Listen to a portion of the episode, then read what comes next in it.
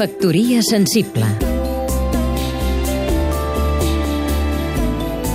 Rafel Vallbona, escriptor i periodista Si en Jordi Pere Cerdà hagués estat nord-americà, seria Walt Whitman i la seva poesia completa, Les fulles d'herba catalanes.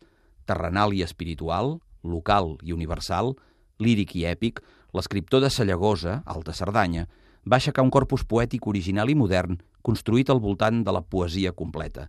La primera edició és de 1966 a Barcino. Àlex Susanna el va redescobrir el 1988 a Columna i ara Viena Edicions en publica una versió més completa que incorpora el recull Poders del Mot.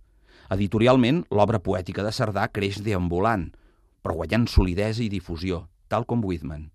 Per sort, i per l'excel·lent feina de Jaume Pons a l'Orde, traduint l'americà, i de Marí Grau, compilant el català, amb dos poetes coincideixen ara a les llibreries.